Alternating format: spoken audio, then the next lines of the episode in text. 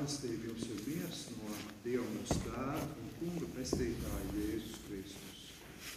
Uzklausīsim otrās adventas svētdienas lasījumu no Mateja evaņģēlī trešās nodaļas. Tanīs dienās nāca Jānis Kristītājs un sludināja jūdējas tūkstnesī. Atgriezieties no grēkiem, jo debesu valstība ir tuvu klāt pienākusi. Jo šis ir tas, par kuru pravietis Jesē runājas sacīdams, saucēja balss tūkstnesī, sataisiet tā kunga ceļu, dariet līdzenas viņa tekas. Bet Jānis valkāja kamieļus pauvas drēbes un ādas jostu ap saviem gurniem. Viņa barība bija siseņi un kameņu medus, Tad pie viņa izgāja Jeruzaleme un visa Jūdeja viss Jordānas apgabals, un tika viņa kristīti Jordānas upē, izsūdzēdami savus grēkus. Bet redzēdams daudz farizēju un sadutēju nākam kristīties, viņš tiem sacīja: Jūs, oģu dzimums, kas jums mācīja bēgt no nākamās dusmības? tad nesiet pienācīgus atgriešanās augļus. Un neiedomājieties sacīt, mums ir Ābrahāms par tēvu, jo es jums saku, Dievs no šiem akmeņiem var radīt Ābrahāmam bērnus. Bet cirvis kokiem jau pie saknes pielikts, un ik viens koks, kas nenes labus augļus, top nocirsts un iemests ugunī. Es jūs gan kristīju ar ūdeni, uz atgriešanos no grēkiem. Bet tas, kas nāk pēc manis, ir spēcīgāks par mani. Tam es neesmu cienīgs kurpes nest. Viņš jūs kristīs ar svēto gāru un ar uguni. Tam vēteklis rokā, un viņš tīrīs savu klonu, un viņš sakrās savus kviešus klētī, bet pelavas sadedzinās ar neizdzēšamu uguni.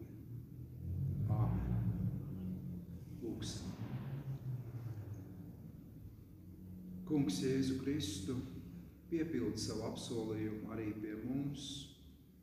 Nāc mūsu vidū, nāc savus draugus vidū ar savu klātbūtni, ar savu svētību, ar savu žēlastību un padomu. Lai tavi vārdi mūs visus šodien uzrunā, un mēs caur tiem topam stiprināti, iedrošināti un vadīti, atkal ieejot jaunajā darba nedēļā jo tavs vārds ir un paliek mūžīga patiesība.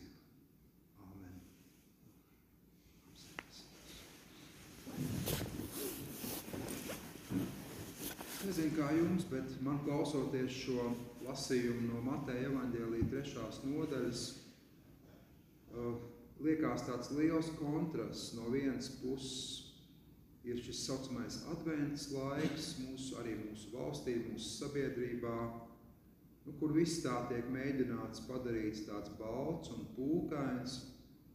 Un no otras puses šis skarbais, es teiktu, ļoti skarbais Jānis Kristītājs ar savu vēstu. Arī diezgan skarbu vēsti. Otrā adventas svētdiena patiešām viņa pievērš uzmanību Jānim Kristītājam, un tomēr ne viņam, jo viņš ir tikai saucēja balss tūkstnesī. Viņš ir tikai ceļa sagatavotājs.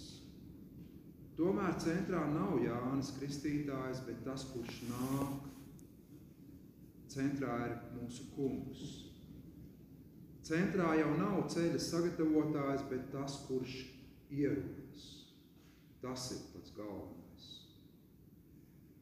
Gribētos salīdzināt Jāni Kristītāju ar tādu līdzību. Jūs esat bieži varbūt redzējuši, nu, varbūt ne bieži, bet šeit tad vai nu paši pieredzējuši televīzijā, kad Rīgā ierodās kāda svarīga valsts amatpersona, tad tas parasti notiek.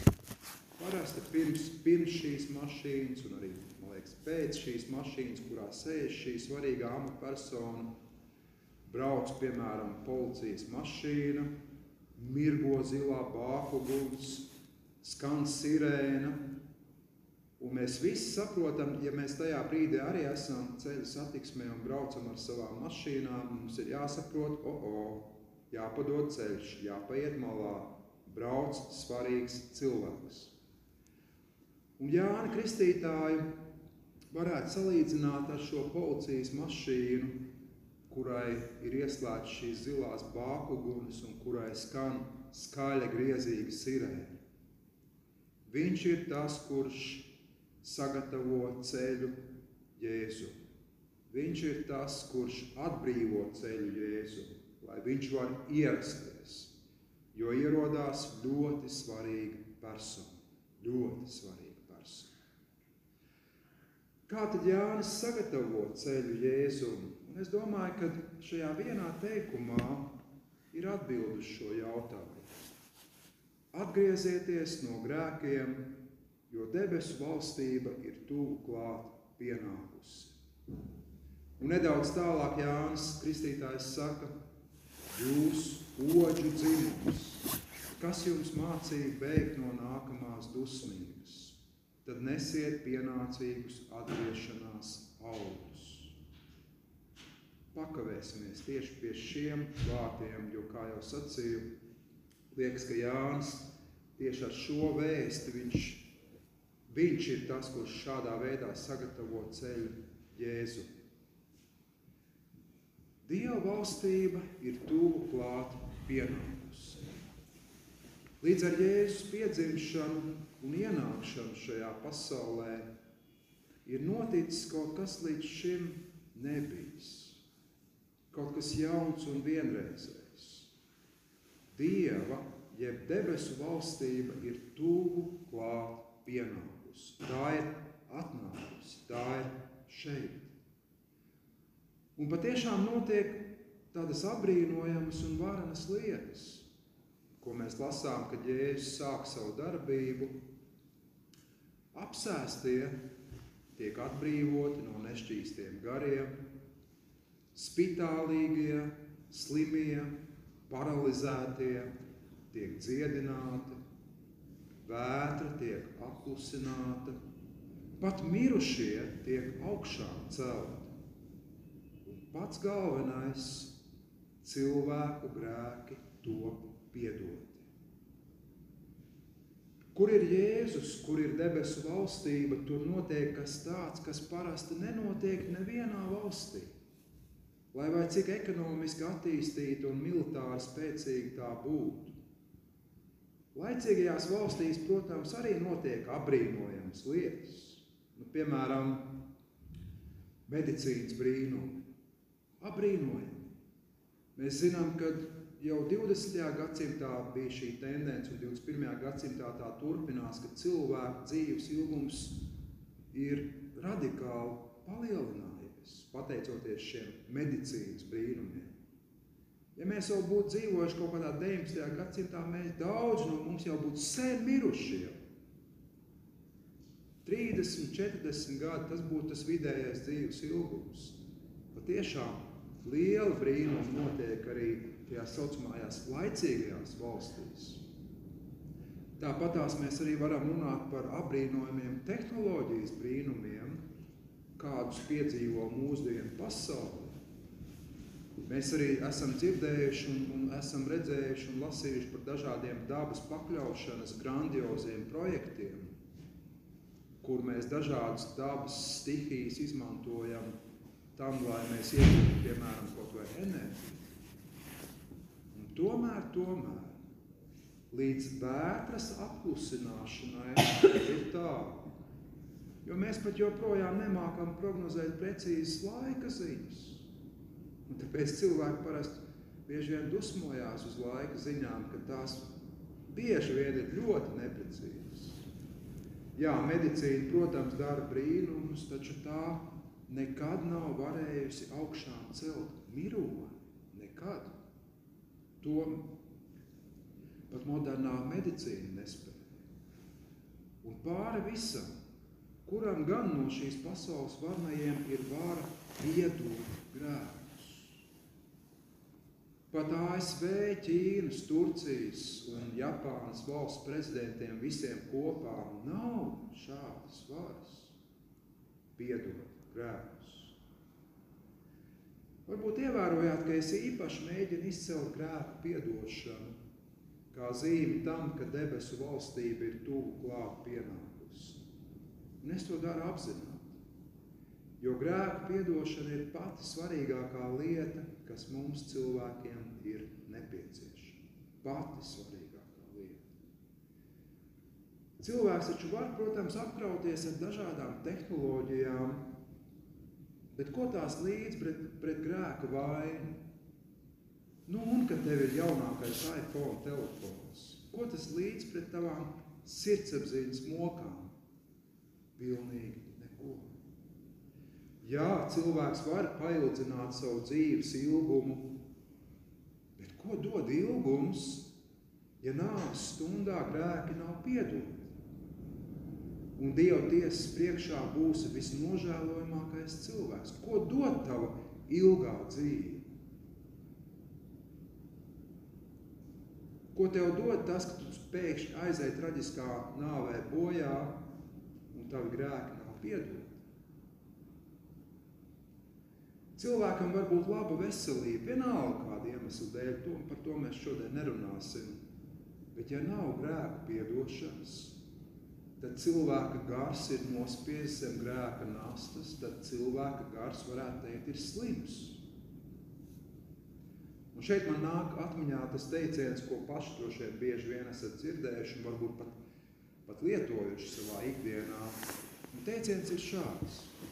Veselā miesā ir vesels gars. Esat dzirdējuši tādu teicienu, vai ne? Un šis teiciens ir nepareizs divu iemeslu dēļ. Pirmkārt, šāda teiciena nemaz nav. Viņš ir neprecīzs, viņš ir sagrozīts. Jo oriģināli šis teiciens saucās, ir izsakāms šādi. Lūdziet, lai veselā miesā būtu vesels gars. Nu, jūs jūtat, te jau ir pavisam cits skatījums uz šo teicienu. Starp citu, šo ir sacījis viens Romas impērijas laikmeta dzēnieks Juvenāls pirmajā gadsimtā savās satīrās. Viņš nesaka, veselā miesā ir vesels gars. Viņš saka, lūdziet, lai veselā miesā būtu arī vesels gars. Tātad tas ir viens iemesls, kāpēc šis teiciens nav pareizs. Bet otrs iemesls ir cits. Gars nekad nav vesels, ja cilvēka grēki nav piedoti. Ja šim sagrozītajam teicienam būtu taisnība, tad visi regulārie fitnesa centra apmeklētāji, kuriem ir labi trenēti ķermeņi, viņi arī būtu veseli garā, vai ne? Taču kurš no viņiem kaut ko tādu apgalvot? Neviens.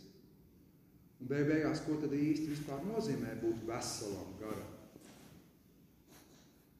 Tā ir interesanti brīžiem tā pāanalizēt tos teicienus, ko mēs ikdienā lietojam un pie kā esam ļoti pieraduši, cik patiesībā tie ir nepatiesi, sagrozīti un pavisam nederīgi teicieni.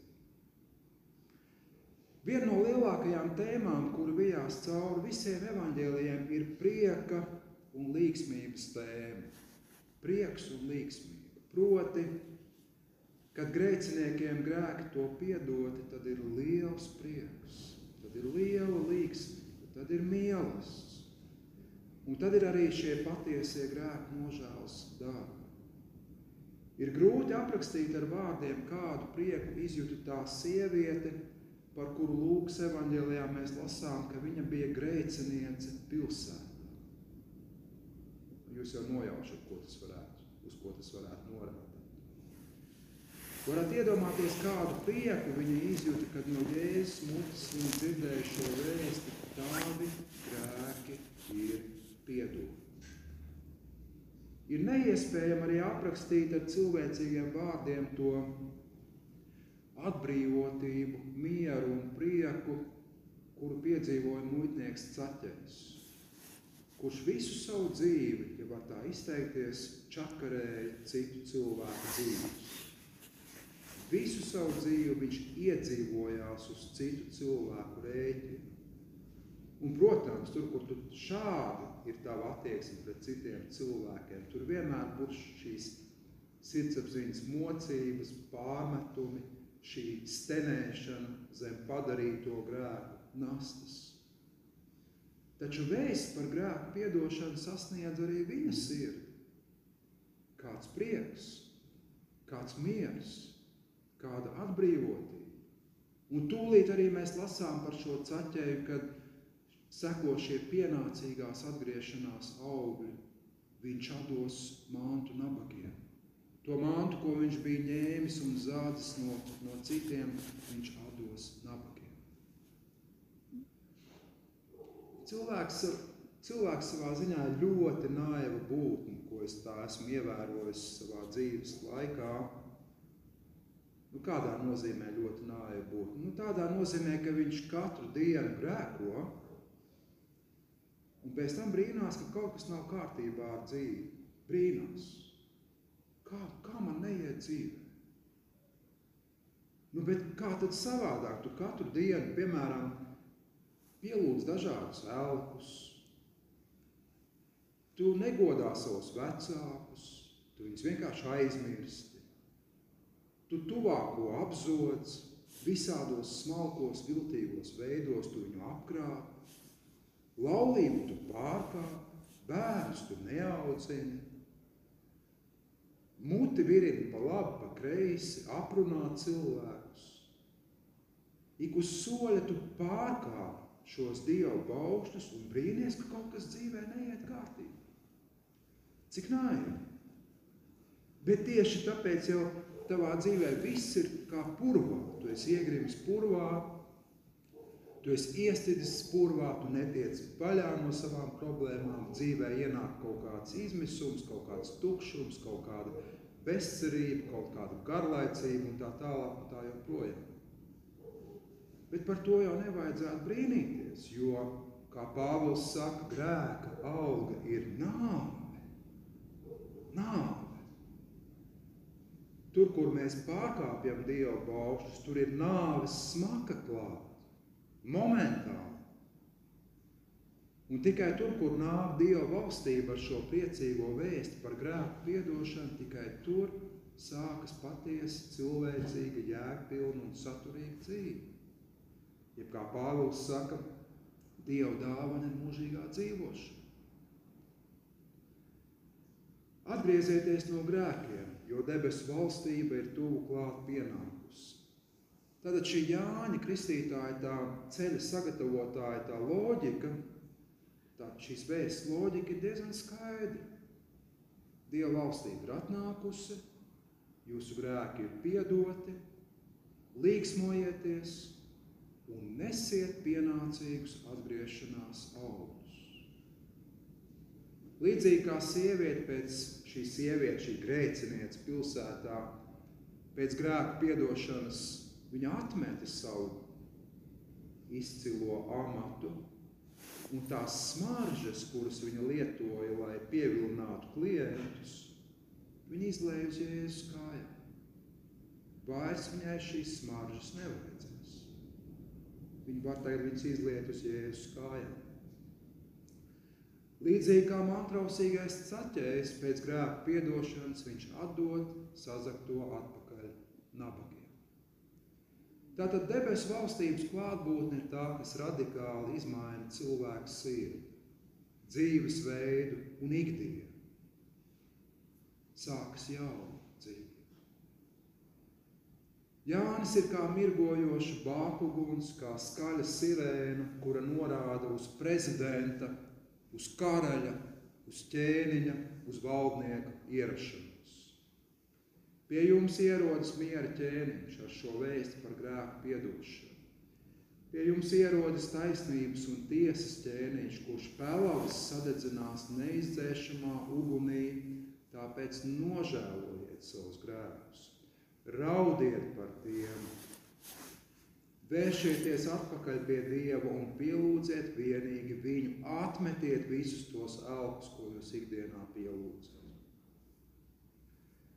Tāds ir šis adventus un tā saucamā Ziemassvētku laiks mums, Kristus mācekļiem.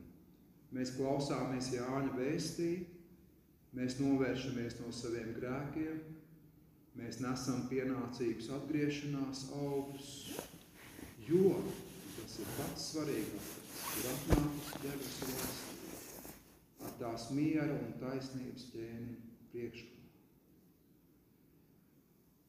Un šajā sakrā man atkal kaut kā nāk visu laiku galvā tā, tā reklāma, ko var tagad šajā adventu laikā novērot televīzijā, ko ir izveidojis LMT. Varbūt esat ievērojuši, tad man likās jums pat diezgan tā interesanti un smieklīgi. Proti tas jautājums reklāmas sākumā tiek uzdots cilvēkiem, ko jūs svinat Ziemassvētkos? Un tad tur ir dažādas atbildes. Viens tur raust plecus, nezinu, ko es svinu Ziemassvētkos. Viena tur tāda meitene saka, jā, mēs svinam tādu tā kā kopību, sadraudzību. Tad tur viens pāris atbildēja, mēs svinam saulgriežu, gada vistumšākā diena. Pašā sākumā šajā reklāmā tur viens saka, saka o, viņš svin savu čaumu Jēzus piedzimšanu. Uh, viena meitene atkal, kad viņai prasa, nu, ko tu svini Ziemassvētkos, viņa domā, domā, es Ziemassvētkos svinu Ziemassvētkos. Nu, un tad tur viens kāds ar tādu, nezinu, amerikānisku akcentu liekas, viņš saka, ka, nu, man šķiet, tur ir kaut kas reliģisks. Laba reklāma. Var jau, protams, ļauties šīs reklāmas, nu, var pasmaidīt un, un, un, un ir labi, labi izdevusies reklāma. Un var jau, protams, arī ļauties šīs reklāmas tam galvenajam nodomam, beigās, kāpēc viņi tika uztaisīti, lai mēs pērkam daudz un dažādas dāvanas dažādiem cilvēkiem, atkarībā no viņu gaumas, ko viņi šogad svinēs. Var jau, protams, ļauties arī šai salkanai sentimentalitātei, kura plūst no šīs un citām adventu laika reklāmām un, un kārtējos Ziemassvētkus pavadīt pūkaini ar pīrādziņiem un zirņiem, ar eglīti un salavečiem. Varam jau tā sepu tos pavadīt. Tomēr tas viss ir garām. Jo tiek ignorēta un neievērota pati svarīgākā lieta, kas mums cilvēkiem patiešām ir obligāti nepieciešama. Grēka piedošana. Grēka piedošana. Un pienācīgu atgriešanās augļu nešana. Lai šī Jāņa Kristītāja, šī skarbā un asketiskā vīra vēsts jūs pavada visu šo adventu laiku, lai grēku piedošanas vēsts jūs ielīgsmo un stiprina un iedrošina. Jā, arī varbūt radikāli mainīt savas dzīves no nāves ceļa uz dzīvības ceļu.